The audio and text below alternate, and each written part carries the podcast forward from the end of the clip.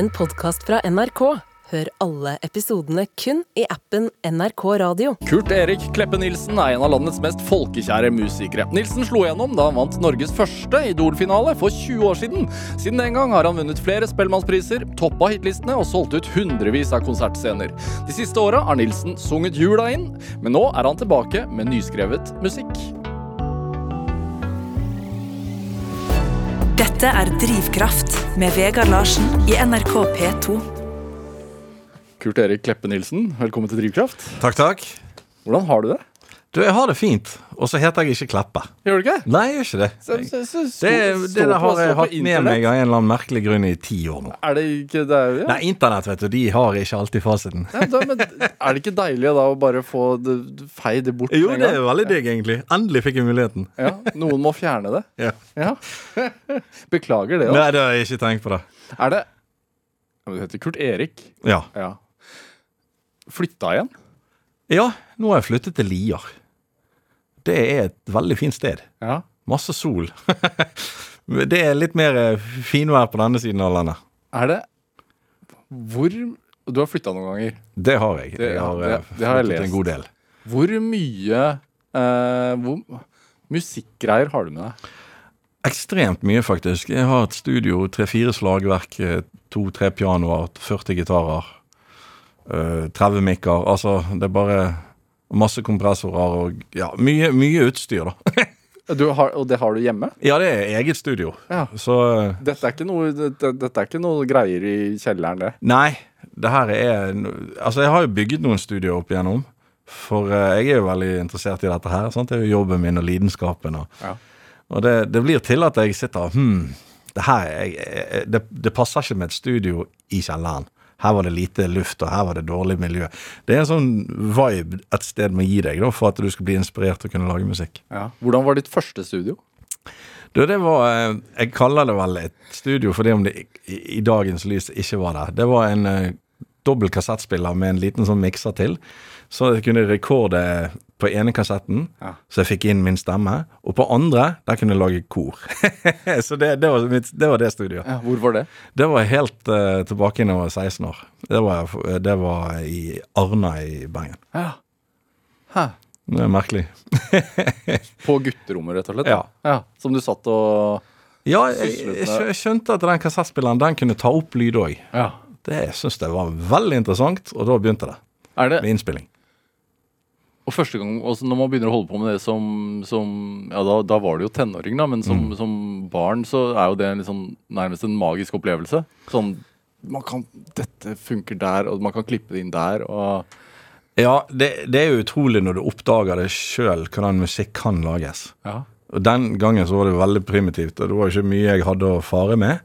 Men bare det å kunne legge en stemme oppå sin egen stemme, det var jo helt som å vinne i Lotto i, i min verden. Ja. Så det, det, det var ganske stort. Føler du Altså, kan den samme følelsen oppstå nå? Ja, helt klart. Kanskje ikke på samme vis, men eh, hvis jeg har en god låt, og jeg har sittet fast en stund, Ja. og han trenger et eller annet instrument for å forløse det, og jeg leter i flere dager og plutselig finner han, så bare Da løper jeg rundt i rommet og ler meg i hjel. Ha-ha, jeg fant han! Yes! Altså, da blir jeg så glad, da. jeg er veldig enkel laget sånn. Ja. Du er eh, Det første jeg tenkte da jeg møtte deg her i dag, var ja, glad. Glad fyr. Ja, takk. Er, er, det- er, men er, er du altså, Våkner du glad? Nei, jeg er en gretten type, egentlig. Alle kjenner sier 'du er så sur på morgenen'. Her, ta deg noe kaffe, Ja. og så begynner vi dagen. Er det Hvordan er en dag? en dag eh, er veldig, veldig forskjellig. Jeg har jo ingen rutiner i livet. Sant? Fordi at det er ingen sjef som står over nakken min og sier 'du, kom deg på jobb klokken syv på morgenen'. Når var sist gang du hadde det? Det er 20 år siden. Ja. Så eh, det, det er veldig forskjellig. Noen dager sover jeg godt ut. Noen dager så sitter jeg oppe hele natten. Det kommer an på hvor inspirert jeg er, og jeg har lyst til å få til noe bra. Så, men det er mye studiotid om dagen, og det syns jeg er helt fantastisk. Men har du, er, det, er det bygd et, e, altså, et eget kompleks for dette studioet på tomten, eller er det Eh, nei da, nei da. Det er, I det huset som vi har flyttet inn, så eh, er det et svært rom som jeg bruker som et studio. da. Ja. Så, og der har jeg muligheten til å gjøre nesten ja, hva som helst. Er det hjemmekoselig? Ja, veldig hjemmekoselig. Det, det er litt brunt. Det er litt sånn Ja, du, du, føler at du har lyst til å lage musikk der, og du, du føler du har Du kan like godt sitte der og skrive uten å spille inn. Hva skal til for at et rom skal bli inspirerende, tenker du? Litt høyde under taket. Ja. eh, litt lys. Det må være litt eh, Ja, det må være litt plass. Og så må det gjerne være en god sofa. Heldigvis så har jeg det. Og så heldigvis så er det en peis der òg, så det gjør det veldig koselig. Så det er veldig hjemmekoselig. Priser og sånn på Ja, jeg har veggene? alt av det som har skjedd i løpet av karrieren. Jeg har litt sånn rundt om. Folk jeg har møtt, og Ja. litt priser som jeg, som jeg fant igjen. ja, det er veldig kjekt. Ja. Hva er du mest stolt av? Som, som du har der inne? Hva er du mest hva er det, Hvis det hadde brent, hva hadde vært altså, Hvilken greie har størst affeksjonsverdi? Oi, helt klart gitarer og utstyret mitt. Hvilken gitar? Ehm, det er vel en eh, HD7, en Martin. Det er da en syvstrengers gitar som er laget til 170-80 stykker av i verden. Så, så den, er, den er veldig sjelden. Ja. Det er en eh, Du har jo seks strenger på en gitar som regel, men denne her har en sånn ekstra lys G, da. Ja. Og så er det en Roger McQueen-signaturgitar. Så han er ganske stilig, og han er ganske pricy, og nå Hva, hva vil det si? Nei, jeg, jeg tror nok verdien ligger på liksom en 80-90 nå, da. Hvordan fikk Eh, du tak i den? da? Den kjøpte jeg i Statene. Så Og jeg har nummer 54. Så jeg syns det er veldig gøy. Men rett ved siden av så er det like gode gitarer. sant? Det er jo bare det at eh, eh, Jeg har såpass mange at jeg hadde Hadde det begynt å brenne, så hadde jeg vært kjapp, tror jeg, i det rommet. Hvor mange har du? Gitarer? Ja. Ah, 40. Ha!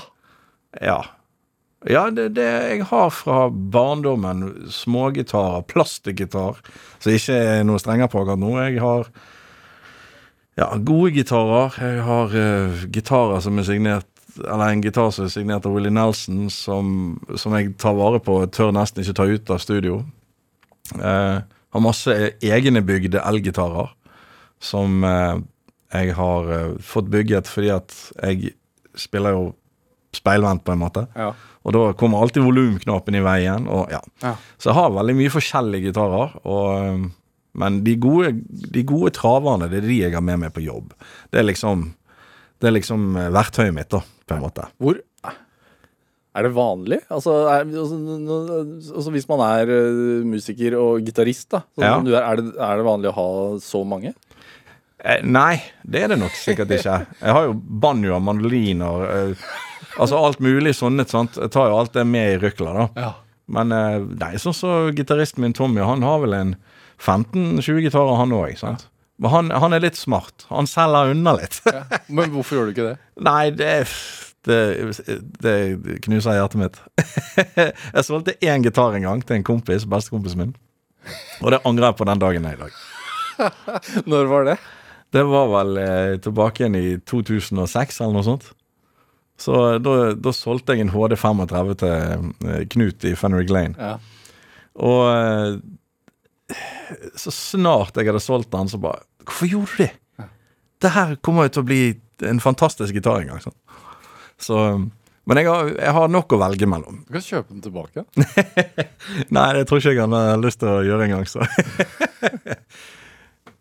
Dette er Drivkraft med Vegard Larsen i NRK P2. Og I dag er eh, Kurt Nilsen her hos meg i Drivkraft på NRK P2. Eh, må du tvinge deg til å altså For det, det har jo vært en stund siden du har kommet med helt ny egenskrevet musikk. Ja.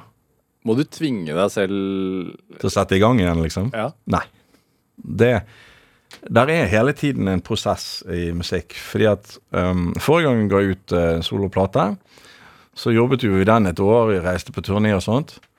Og så eh, kommer jo da eh, en situasjon i livet mitt der at jeg på en måte Jeg må flytte litt, jeg må rokere litt på livet og sånne ting. Eh, Men hele tiden så går jo det kommer det låter ned i skallen. Det kommer ideer. det kommer, Jeg sitter med gitaren og bare knoter litt, og så, mhm, så danner det seg et bilde av en låt. og, og det gjør det egentlig hele tiden, fordi om jeg ikke gir ut noe.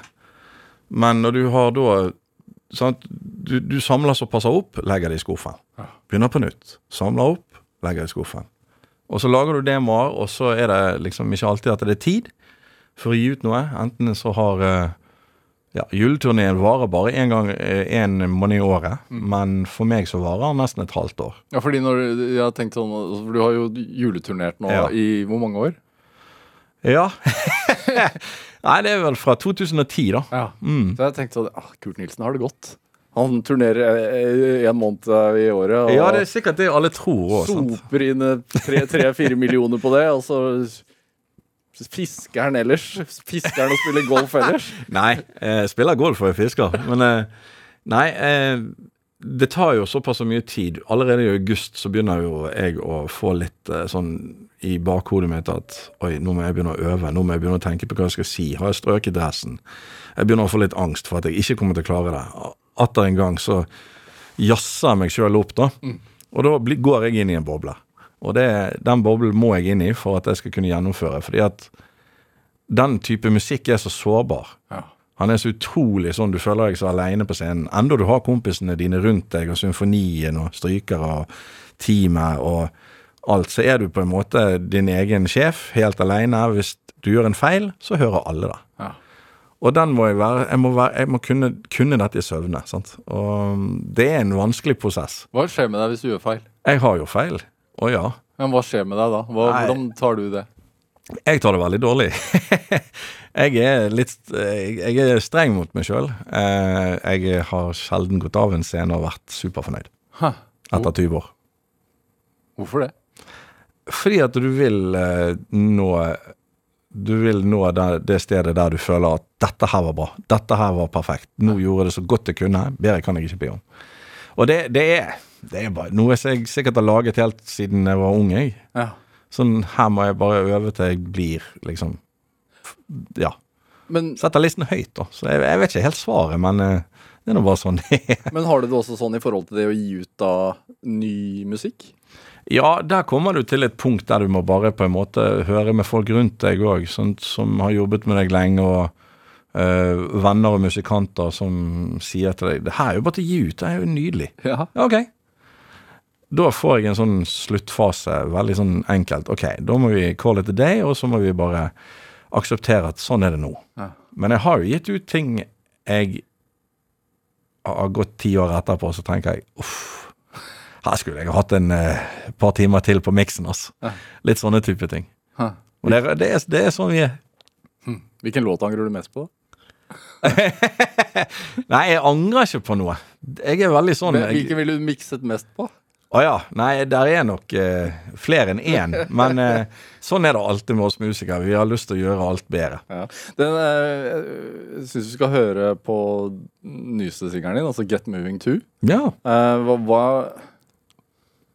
hva var det som gjorde at du tenkte at ja, nå er, den er ferdig, nå, nå skal den ut? Nei, eh, det å ha sittet liksom i studio litt grann, og ha noe på hjertet, noe som betyr noe for meg, og jeg har lyst til å gi det ut, og prøve å danne et lydbilde som tar meg litt tilbake inn til røttene, som har på en måte dannet litt meg, da. Hvilke røtter?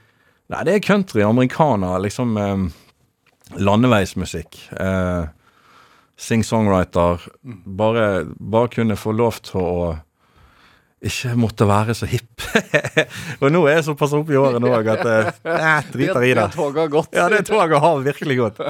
Så jeg har lyst til å gjøre noe for min egen del, og, um, og snakke om det som jeg opplevde i livet. Og da ble det til at uh, dette her er jo den første singelen av kanskje mange som kommer til å komme. Men uh, akkurat denne her følte jeg måtte bare få av uh, bruskassen. Ja. Skal vi høre? Gjør det.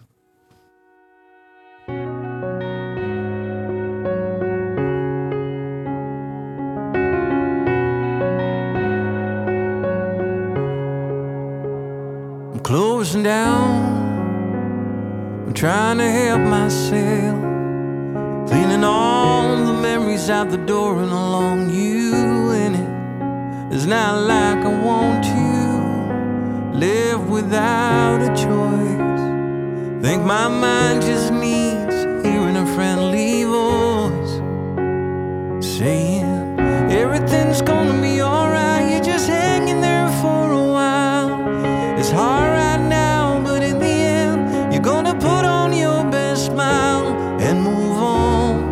the long winters do, like the rain falling from the skies at night. It washes away the blues.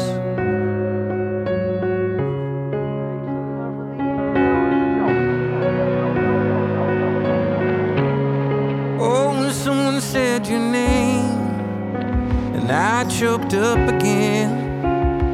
Felt my world came crashing down around me, didn't stand a chance. Can't sleep, can't eat. Yeah, I can't think straight. Just wanna go back to what was, but I'm a little too late. Saying everything's gonna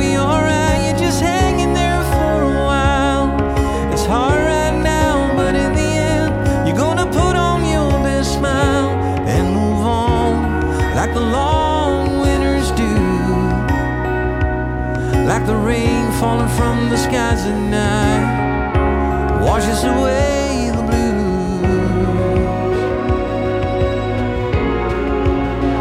Oh.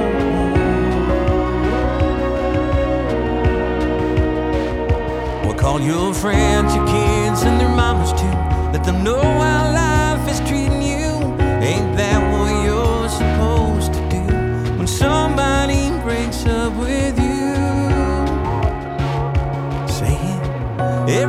gonna be alright. You're just hanging there for a while. It's hard right now, but in the end, you're gonna put on your best smile and move on like the long winters do. Like the rain falling from the skies at night, it washes away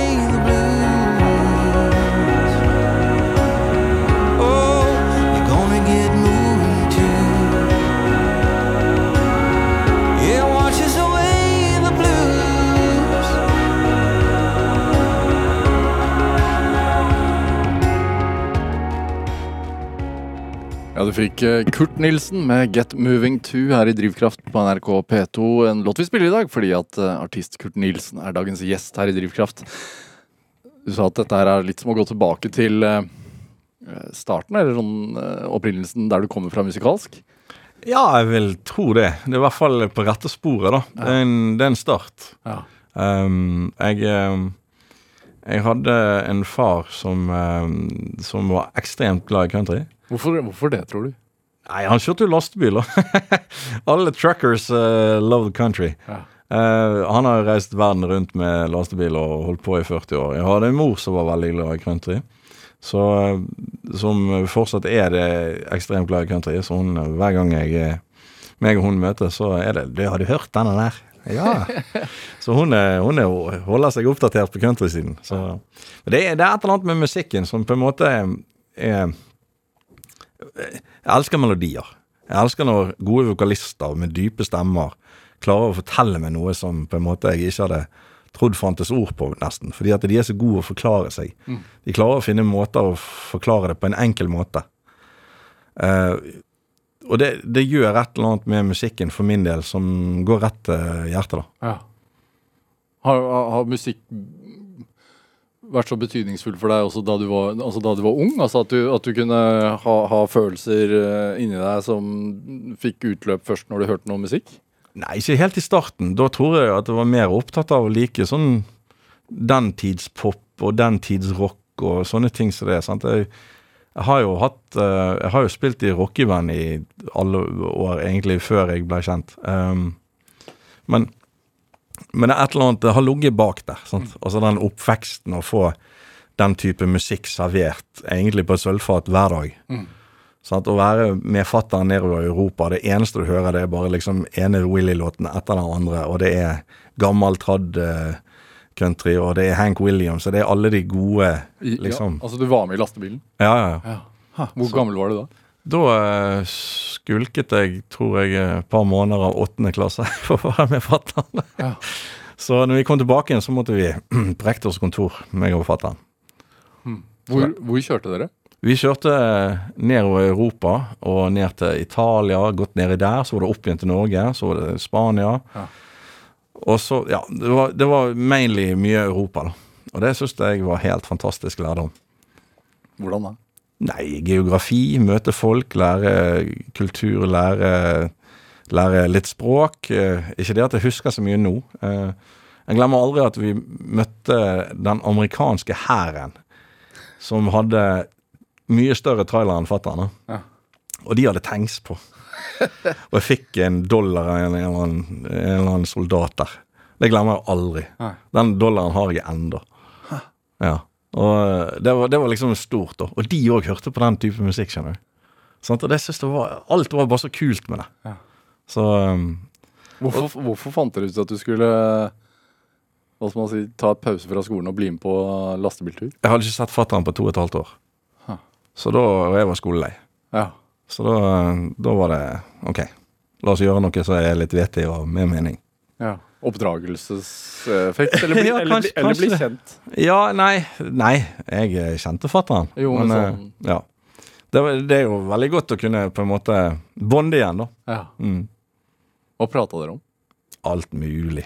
Jeg, eh, jeg hadde jo kart. Sant? Det var jo ikke telefon den gangen. Det var svære kart. 'Hvor skal vi nå, da, pappa?' Ja. så, eh, så måtte han skru ned musikken, og så var vi på landeveien. Det var fantastisk.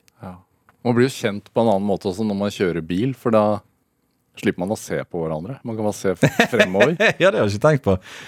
Nei, eh, jeg må jo si jeg så jo veldig opp til min far, for jeg syns han hadde et tøft yrke. Ja.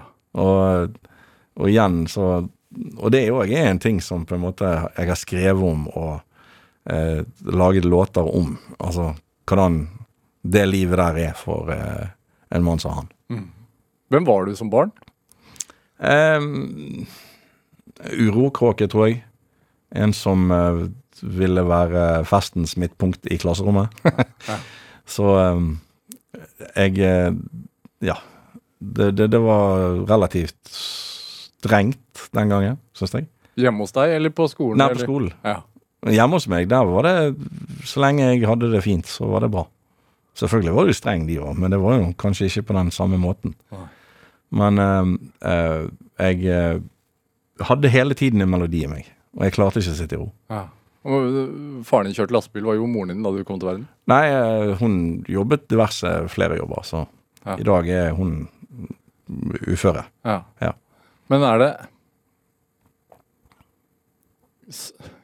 Skjønte du Altså, skjønte de tidlig at du kunne synge? Eh, ja, jeg eh, har noe sånn der eh, gamle videoer som de hadde tatt opp da når jeg var fire-fem år, står og rocker med noe Shaky Stevens-musikk i bakgrunnen, og enser ingen, og det er liksom Alle står og ler av meg, men jeg står bare og er helt gud på den plastikkgitaren, liksom.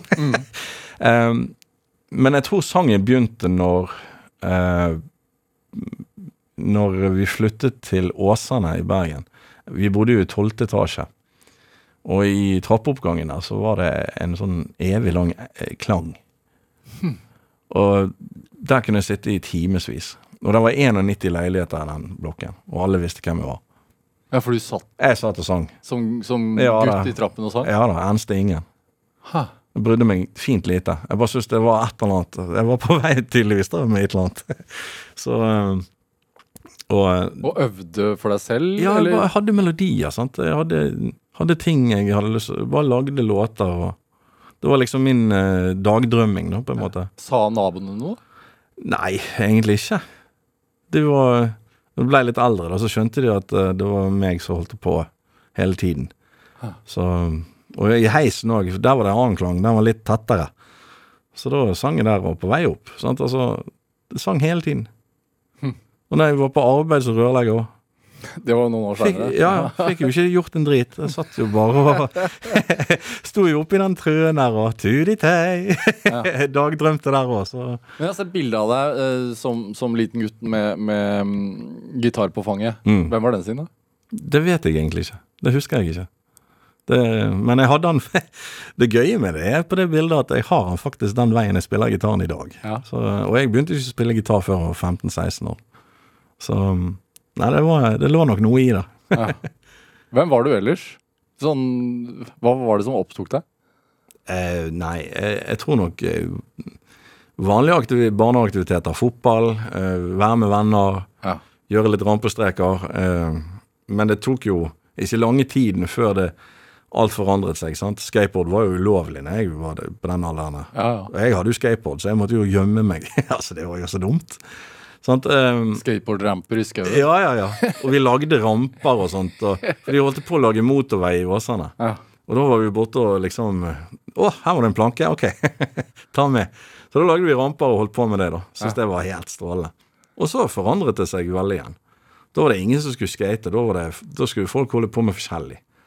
Og da eh, datt jo jeg inn igjen i musikken. sant? Så hver gang det på en måte var mye styr rundt, så, eh, så var musikken liksom Han var der, men han var ikke til stede. Hva styr?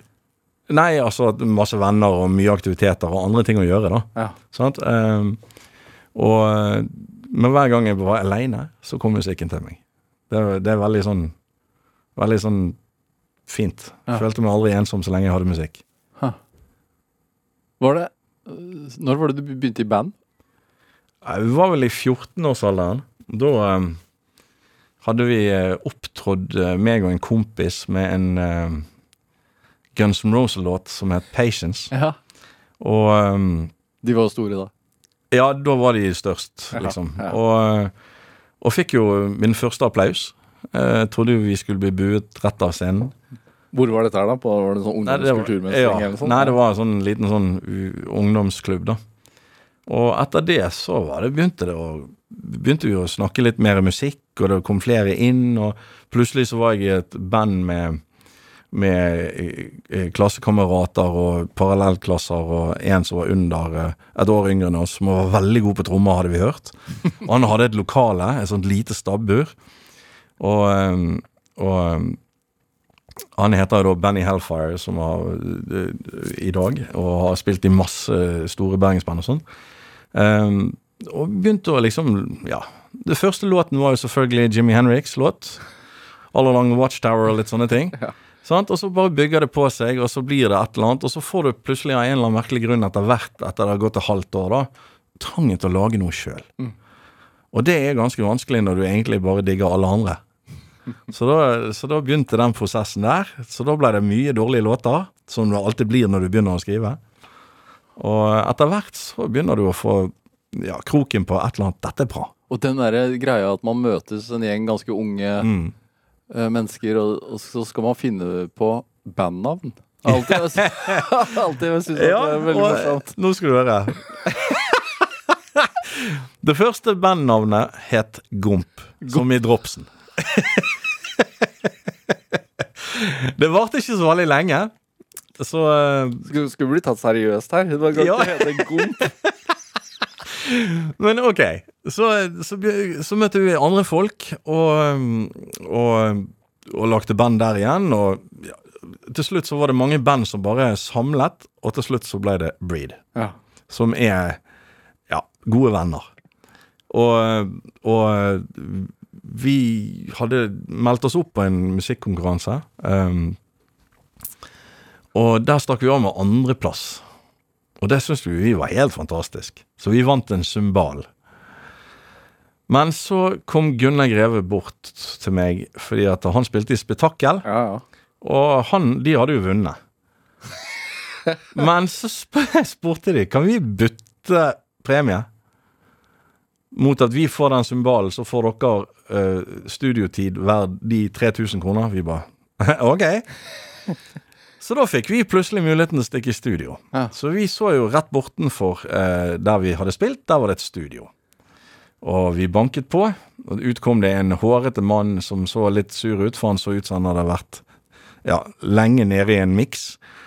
Og eh, Hvordan, hvordan ser man ut når man har vært Nei, lenge har, med en miks? da, da har du boksemat eh, inne i studio. Da har du vært der lenge. Da har du sittet og skrudd ass, til du blir gæren. Og eh, ut kom han, og han bare 'Hva er det dere vil?' «Eh, 'Vi har en sånn her eh, studio, kan vi få lov til å Ja.' Og så tok han oss inn, og så hørte han på hva vi hadde, Ja. og så skjønte han at her var det noe. Og da ble vi værende der i tre måneder.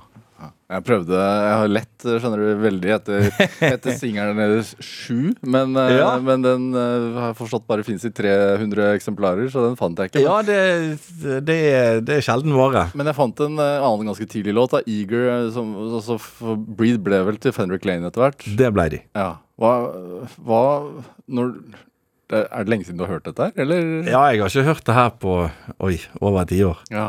Hva representerer det for deg i dag? Eh, Rebelsk eh, ungdom som hadde lyst til å slå igjennom og ha det gøy på egne premisser. Ja. Skal vi høre litt på låten Eager?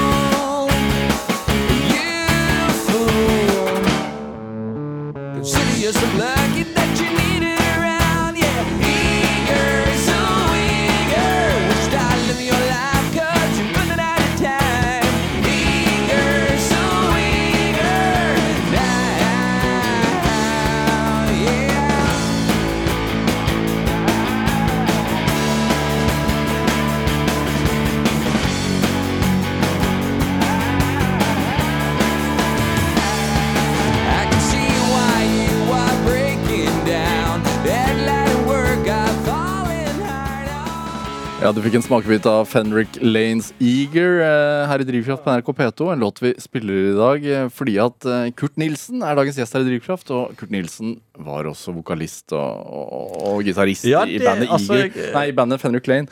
Jeg høres ung ut her, altså. Det, det syns jeg er litt gøy å høre igjen. Men det er også energisk, da. Ja, det er veldig sånn uh, foroverlent Uh. Hva, hva drømte den vokalisten om? Um, stå på store scener. Uh, ja, altså Når du kommer fra et soverom der de, alle plakatene dine er rundt på veggene, og du idoliserer liksom eh, dine største eh, artister som har gjort det stort, og vært på MTV og liksom alle sånne ting, så er det klart at eh, når du er så ung som det, så har du òg en drøm om det. Mm, hva, hva, hva trodde du det innebar? Hva, altså, det, det, altså, man drømmer jo om å stå på scenen, men hva tenker man hva, Hvordan tenker man at det er? Nei, altså vi var jo mer opptatt av å bare få lov til å kanskje spille på garasje, da. Ja. Kanskje kommer vi der, så er vi kjempeflinke, liksom. Men, eh, men det er klart at du har jo drømmer når du er så ung som det mm. som går langt forbi hva som er realistisk, kanskje. Men eh, herlighet så greit det var. Mm, Du, du, du fortalte at du var skolelei, eh, og, og foreldrene skilte seg jo så tidlig. Ble liksom musikken et slags tilfluktssted? Ja, helt klart. Helt klart. Det er jo uh, Ja, det er min største venn, egentlig, Ja. på en måte. Sant? Og jeg har han alltid med meg. og Er det det ennå? Ja, helt klart. Det er i Jeg har merket mye mer enn nå i voksen alder at du kjenner på en ensomhet av og til. Og da går, kommer musikken med en gang. Hvorfor, hvorfor kjenner man på ensomhet i voksen alder? Nei, det kan du spørre mange mennesker om, tror jeg. Men uh, for min del så Så uh, Jeg vet ikke. Jeg liker vel kanskje ikke den stillheten så veldig godt. Jeg blir uh, Jeg blir eh, urolig inni meg. Jeg, jeg liker som regel at det er litt folk rundt meg, men til tider så er det godt med litt fred òg. Og da kommer musikken, og da kommer liksom um, Ja, det er ikke alltid at det kommer god musikk, men det kommer noe. Så, og det, den tar jeg med meg. Den, det en, jeg føler det er en gave jeg har fått som jeg må ta godt vare på. Er det Altså, Fenric Lane som, som bandet het, dere, de ga jo ut en EP. Den kom ganske høyt opp på VG-lista topp Ja. 20 eh, den gang. Og så skjedde jo det i livet ditt som het Idol. Mm. Eh, angrer du på at du meldte deg på? Nei, ikke, det, ikke nå i ettertid. Er Det gjorde jeg egentlig aldri. jeg fikk en mulighet som jeg måtte på en måte prøve å gjøre det beste ut av. Eh, Vi visste jo ingenting om sangkonkurranser på TV det. sant? Altså, vi var jo forsøkskaniner som skulle lage et TV-show, Ja. på en måte. Det blir jo sånn. Og, um, og Følte du deg litt som det også? Nei, jeg visste virkelig ikke hva jeg gikk til. Jeg, jeg, Ja, men som en forsøkskanin? Nei, egentlig ikke. Men sånn i ettertid, når du ser liksom Når du kommer inn i det rommet der, og du ser det ser litt sånn 1983 ut uh, i stylingen og så, så var jo vi de første ut. Ja. Og, um, og det, det er jo Å komme fra et band så ble det litt kulturkrasj for meg. Men OK, jeg kan jo mer enn bare rock'n'roll, og jeg kan litt country. Vi får se hvor, hvor dette bærer, liksom. Ja. Og jeg visste jo ikke om jeg kom videre fra ene audition til den andre, sant? så det var jo veldig sånn håpefullt, da. Jo lengre vi kom i konkurransen, jo mer troen hadde jeg på at jeg hadde noe her å gjøre.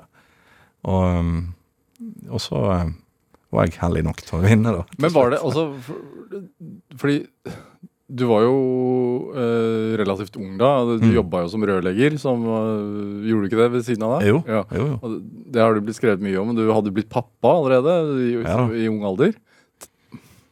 Ja, det var jo Hva, hva for noe sånn Altså musikkambisjonene. Når man spiller i band, så er det sånn Mm. enten så slår man gjennom, eller så slår man ikke gjennom. Mhm. Men hva, hva- hva tenkte du om de?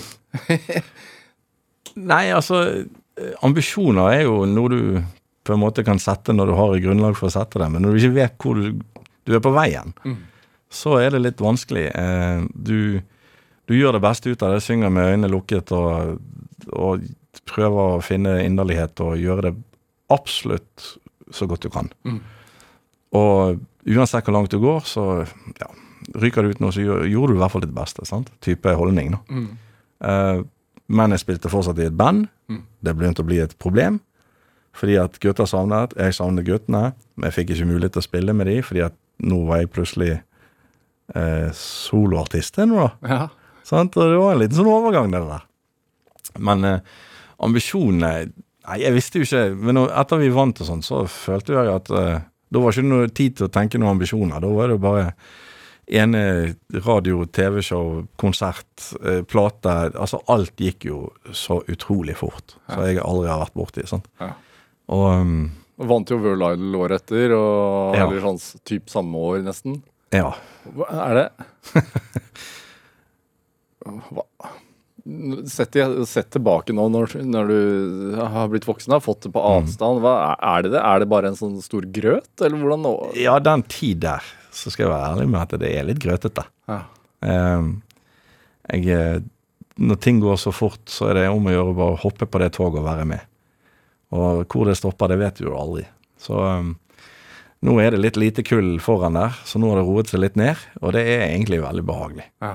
Jeg liker å kunne ha litt mer tid eh, til familie, meg sjøl, eh, musikken. Ja, alle disse tingene der. Men den gangen der, wow, for et tempo. altså, det det, det var et tempo som jeg på en måte Ja, da har vi vært igjennom det òg. Kjedelig blir det i hvert fall ikke. Hva lærte du om deg selv? Um, lærte om meg sjøl i den tiden der. Jeg lærte at det var Jeg taklet ikke det så godt som jeg burde gjøre. Men jeg taklet det bra òg samtidig. Jeg hadde jo familie. Sant? De fleste som vinner noe sånt, de har jo bare seg sjøl å tenke på. Ja. Mens jeg hadde jo to barn og et liv og et hus og egentlig en arbeidsplass, og jeg hadde band ved siden av. Mm. Så det var jo liksom OK, jeg måtte liksom bare slukke branner hele tiden. Og det er veldig vanskelig å gjøre i veldig lang tid, da. Mm. Så når du har 310 reisedager på det ene året der, så da blir det skilsmisse, da. Ja. Så type. Ja. Og det, er- det, er, det er bare sånn det er. Men eh, igjen, da. Folk spør meg angrer du på noe. Nei, det har jeg aldri gjort. Nei. Jeg tenker at uh, vi må ta de mulighetene vi kan få, ta godt vare på de, gjøre det beste ut av det, og uh, lage så god musikk du kan. Ja. Har du en sånn innstilling til ting? Altså at man, eller til livet? At man At det er ikke noe poeng i å angre på ting som er gjort? Jo, hvis du, jo, altså du kan angre på det hvis du har mulighet til å rette noe opp i det. Ja. det, det da er det greit. Har du sagt noe som du ikke burde sagt? Ok, så kan du gjøre noe med det. Men den tid der, det var jo kanskje litt sånn OK, ha det. Neste. Neste. Ha det. Og det er jo bare gøye ting som skjer. Eh, effekten av det det blir jo til at du blir en artist som Folk hører musikken. Mm.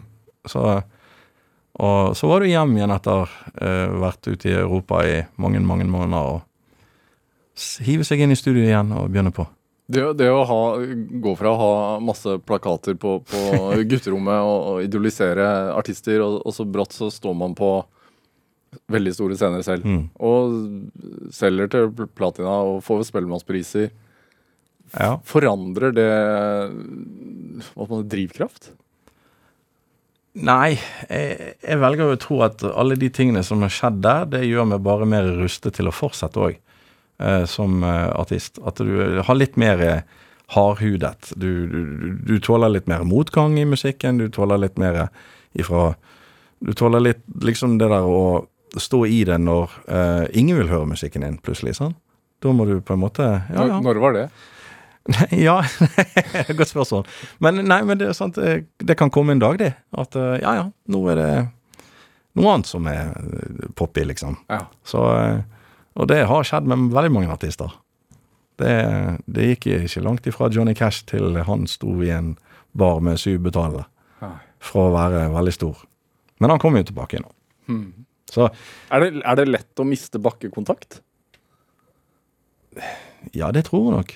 Men jeg følte nok ikke at jeg gjorde det. Men folk rundt meg forandret jo seg òg pga. den jeg var. sant? Og, eh, Hvordan da? de, nei, de blir jo litt mer var, da. Fordi at uh, du er jo den du er. Der og da. Ja. Du, nei, han har jo slått igjennom, liksom. Nå er jo han stor, han nå. Nå har ikke han tid til oss, han nå. Ja. Så, sånn type. sant? Og det, er- det er en sånn greie som du må bare akseptere. Eh, bare prøve å være den samme fyren.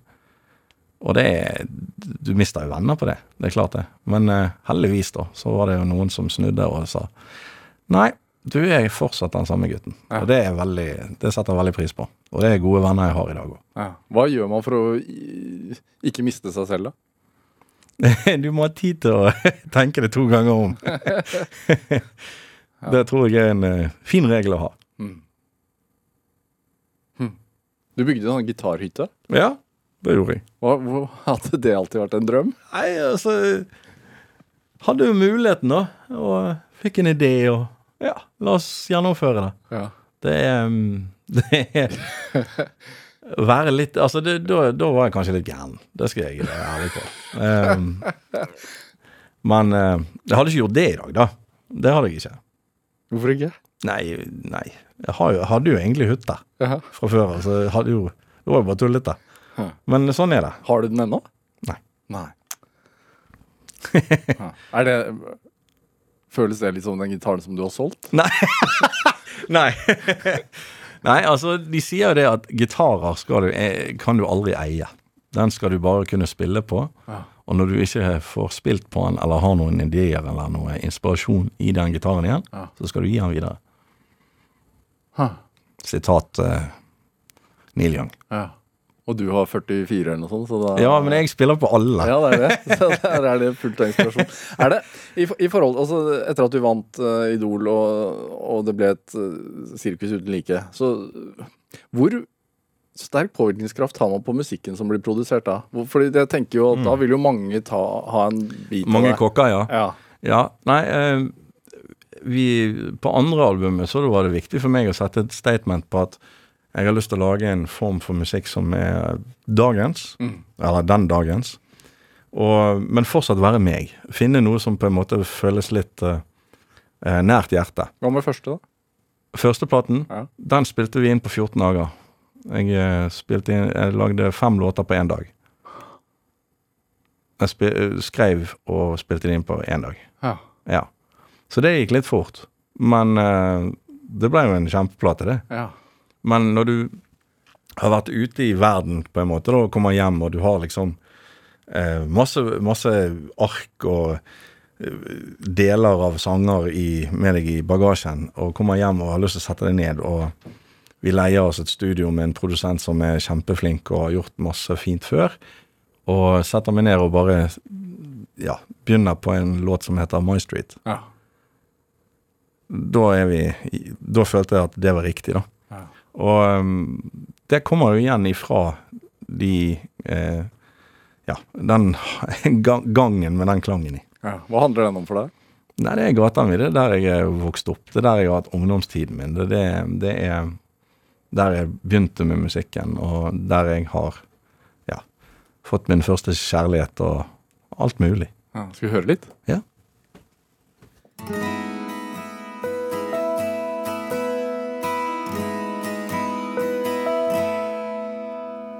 Stop and stay walking down the road again for the better, for some peace. Shout my loud so everybody can hear that I live on the street, on my street. Yeah, on my street. See the old guy with the broom in his hand cleaning up what's left. The cavalry with my bad boys once again. Well, I feel so complete on my street. Calling my street. I will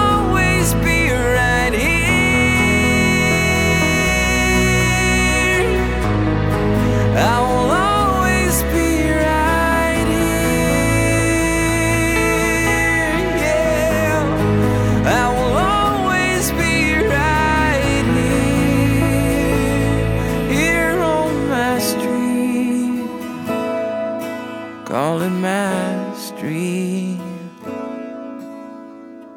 Fell in love for the first time in my life here on this bench.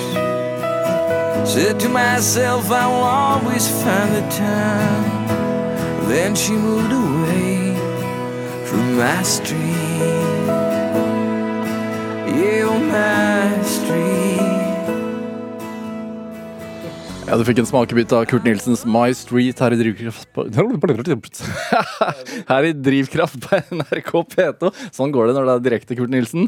Eh, låt vi spiller fordi at Kurt Nilsen er her i dag som gjest. Eh, hva har du lært på de siste 20 åra? Oi. Um... Som menneske og artist. ja, det, det, ja, det var det, da. Nei, artist så har jeg lært hvordan gamet funker. Ja. Eh, jeg vet at du må på en måte ut med en låt for å lov til å spille den live. og Det er en lang prosess før en låt slippes, og ja, det er mye arbeid. Og, men det er en arbeidsform som jeg er veldig, veldig glad i, da. Som jeg egentlig ikke kaller arbeid. Det er bare en lidenskap som jeg har. Som jeg føler jeg, jeg har Jeg kan sitte og se på nyhetene hjemme.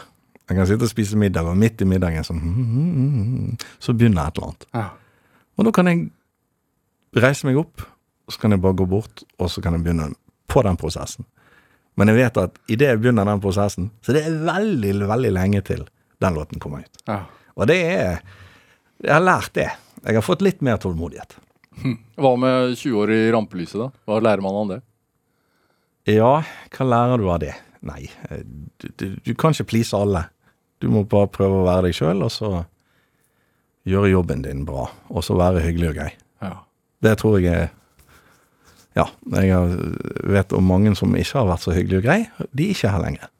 De har en ny jobb. Ja. Så det er en del av jobben, det også? Og, Ja, du må alltid være hyggelig med folk. Det, det, men det, det, er ikke vanskelig heller. Fordi at folk er som regel hyggelige og veldig glad for at ja, Hvis de sier noe til deg, da, så er det som regel veldig hyggelig og positivt ladet. Ja. For hvis man har en dårlig dag, så kan det prates? Ja, det, det er klart det. Ja. Og det har jo skjedd, det òg. Men øhm, Og det, det Du husker alltid han ene som ikke likte deg. Ja. Men de tusen som likte deg, har du glemt. Fordi at det er han ene som var negativ du husker. Det er veldig rart, det der. Men sånn er det. Det med, altså du, du, du startet jo Altså, de første musikalske inntrykkene dine var country. Mm. Uh, du har spilt inn en låt med Willie Nelson. Mm. Eh, er det liksom en sånn mil, milepæl? Ja, fordi at dette skjedde jo veldig, veldig fort. Vi hadde jo allerede meg og Jan Fredrik, vi, vi, vi, Ja, kan, Fredrik Karlsen. Ja. ja, vi kan sitte og ta en pils og så Hva drømmer vi om, liksom? Hva, hva vil du, Kurt? Hva, sant? Nei, jeg har veldig lyst til å lage en countryplate. Ja. Nå reiser vi til Statene, og så setter vi i gang. Og så begynner vi å skrive sånn. Og så, og så Han er jo veldig flink å snakke for seg, og så er han veldig flink å agere. Det vil si at han er Han han, han, har, han har kjøpt de billettene, han, da. I, i, vi er allerede på vei, vi, da. og så satte vi opp litt låtsessions og litt skriving og litt sånne ting som det her, og fikk noen fine låter ut av det. Hvor var det? I Nashville. Ja. Og um, hadde vært der i en åtte-ti dager. Og så plutselig så sier Jan Fredrik Ja, men jeg kjenner jo Jeg kjenner jo Lana Nelson. Jeg bare Hæ? Hvem? Nei, altså datteren til Willy. Willy Nelson. Ja. Og så tok han en telefon, og plutselig, to dager etterpå, så var vi på ranchen. Jeg eh, Jeg var helt stresset, jeg. Ja. Ja, da var jeg starstruck. da var jeg så starstruck at det var jeg, jeg sa ikke et ord jeg når han snakket. ja. Men han er jo bare en musiker, han òg. Og den snilleste, varmeste, fineste fyren. Han minte meg om min egen morfar. Utrolig sånne Jeg vet ikke, Han har aura rundt seg som var bare helt sånn Jøss, her er det mye å lære av. Hvem var morfaren din? Kåre Storetvedt. Mm. Hvorfor var han så fin? Han var bare veldig, veldig glad i alle barnebarna og en skikkelig arbeider. En, eh, en med masse lærdom i seg. Elsket å lære fra seg. Og så, jeg vet ikke, Han hadde litt looken, og den gode, varme, gamle dagse looken. Han hadde stil. Når han, skulle, når han skulle ned på Nesttun, så kledde han seg alltid fint. Men når han sto i hagen, så hadde han alltid countryskjorte og vranglerbukse og sto og spadde. Ja, så, Han han, var en fin type, liksom. så der også var det country. Ja, det, nei, ikke, han hadde ikke det, men han var liksom litt sånn cowboy. Ja. ja. Du har aldri lagt liksom skjul på sånn arbeiderklassebakgrunn og, og, Mm. og, og, holdt uh, Vært veldig stolt av det. Mm. Hvorfor det? Jeg syns jo det er veldig viktig at du kan noe med nevene dine. At du kan bygge et eller annet, at du kan klare deg sjøl, at du er selvstendig. Mm. Og at du har At det ikke er bare ti tommeltotter, og at du Jeg kan ikke skru det håndtaket på, det kan jeg ikke. Hva heter skrujern? Jeg, jeg syns jo det er en veldig fin sånn greie å kunne sånne ting, da. Mm.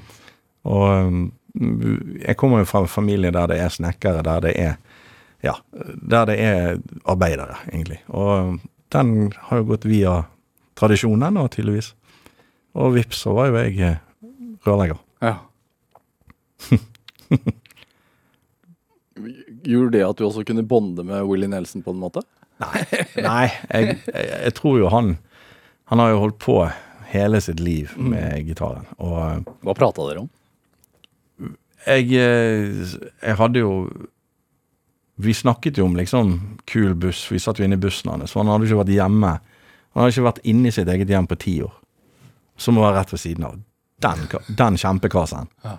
Sånn, hestene hesten og golfbanen og cowboybyen hans. Altså veldig, veldig kjekt å komme dertil. Og nei, vi snakket om eh, musikk. Jeg husker det var liksom Å ja, dere har vært i Nashville, ja. Å ja, ja, masse fint der. Og veldig sånn, Han skulle jo spille på kvelden i Austin. Ja. Og vi var veldig sånn Ja, kan vi tag along? Kan vi få være med? Ja, ja, ja, ingen problem. God stemning. Og når vi kom inn der, da, så var det 3000 rednecks som bare mistet helt grepet når han gikk på scenen. Ja. Og det er kanskje den beste Willie Nelson-konserten jeg noen gang har sett. Han var så bra den kvelden. Og det låt så bra, og vi fulgte tilbake igjen etterpå. Og da bodde vi hos datteren, og så skulle vi møte Willy dagen etterpå. Og da, da tok han frem Trigger, som er gitaren hans. Den som han skjøt hull i en gang på 60-tallet. Og jeg spurte kan jeg få prøve han. Jeg var livredd for at han skulle si nei. Men det fikk jeg. Ja. Så jeg er en av de få som har fått lov til å spille på han. Og han så veldig rart på den spillingen min, fordi at det, er jo opp ned og bakvendt. litt sånn merkelig, men han, han syntes det var litt gøy. Og så sa han du, få låne gitaren litt. Så satte han i gang, og så bare begynte han å spille noe sånn Mozart på gitaren. Jeg satt jo helt sånn tolvbundet. Jeg syntes det var så fint. Og det var i Willys sin gode ånd. Litt skakt og litt sånn, sånn som Willy er. Men det var helt fantastisk. Når vi gikk ut av bussen der på kvelden, da, da var det solnedgang. Jeg hadde fått vært eh, med på en fantastisk opplevelse. Ja. Vi hadde klart å lande en duett. Og ja, gikk tilbake igjen på gården til eh, datteren og Vet du hva? I kveld blir det en øl. Da var jeg litt glad.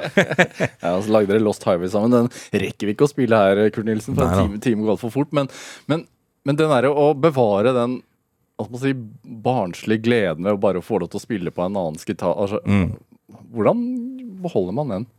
Nei, det er jo interessen, da. Sant? Altså, er du en eh, eh, Er du en eh, musiker, så er jo alle instrumenter det er jo lekeplassen din. Og det er klart at jeg Jeg syns det er viktigere nå enn kanskje før, da, å leke. Å leke med musikken.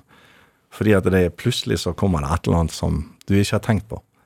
Og etter 20 år så tenker du kanskje at ja, men nå har, du, har ikke du vært igjennom alle disse rundene. Men jeg har ikke det. Nå er jeg inne på sånn ja, nå leker vi litt og prøver en ny lyd. Og ja, ok. Altså, Ja. og det samme er når du liksom sitter med kanskje verdens mest pricy gitar, og du bare så vidt tør å ta på han. Det er bare noe magisk med å sitte med han i hånden og bare Jøss, dette her er Trigger, liksom. Dette her er Bugatti av alle biler. Dette her er liksom Ja, bedre enn dette blir ikke det. Dette her er Air Force One av alle fly. Sant? Det er litt sånn. Ja. Kurt Nilsen, hva, hva er drivkraften din? Oi, ja. Det er det, da. Jeg vet ikke helt. Men jeg, jeg tenker det at eh, jeg har musikken med meg som en god venn, og at jeg eh, aldri kommer til å slutte med det. Fordi at eh, jeg tror jeg hadde vært veldig ensom uten det. Hvor er trappeoppgangen din i dag? Den er i eh, studio, heldigvis for det, for den òg har en ganske god klang. Kurt Nilsen, tusen, tusen takk for at du kom til Drivkraft. Takk skal du ha. Hør flere samtaler i Drivkraft på nrk.no eller i appen NRK Radio. Send oss gjerne ris eller ros og tips til mennesker som du mener har drivkraft. Send en e-posten til drivkraft.krøllalfa.nrk.no. Vi hører veldig gjerne fra deg. Produsent og researcher i dag, det var Ellen Foss Sørensen. Men dette, dette var Drivkraft. Jeg heter eh, Vega Larsen. Vi høres. En podkast fra NRK.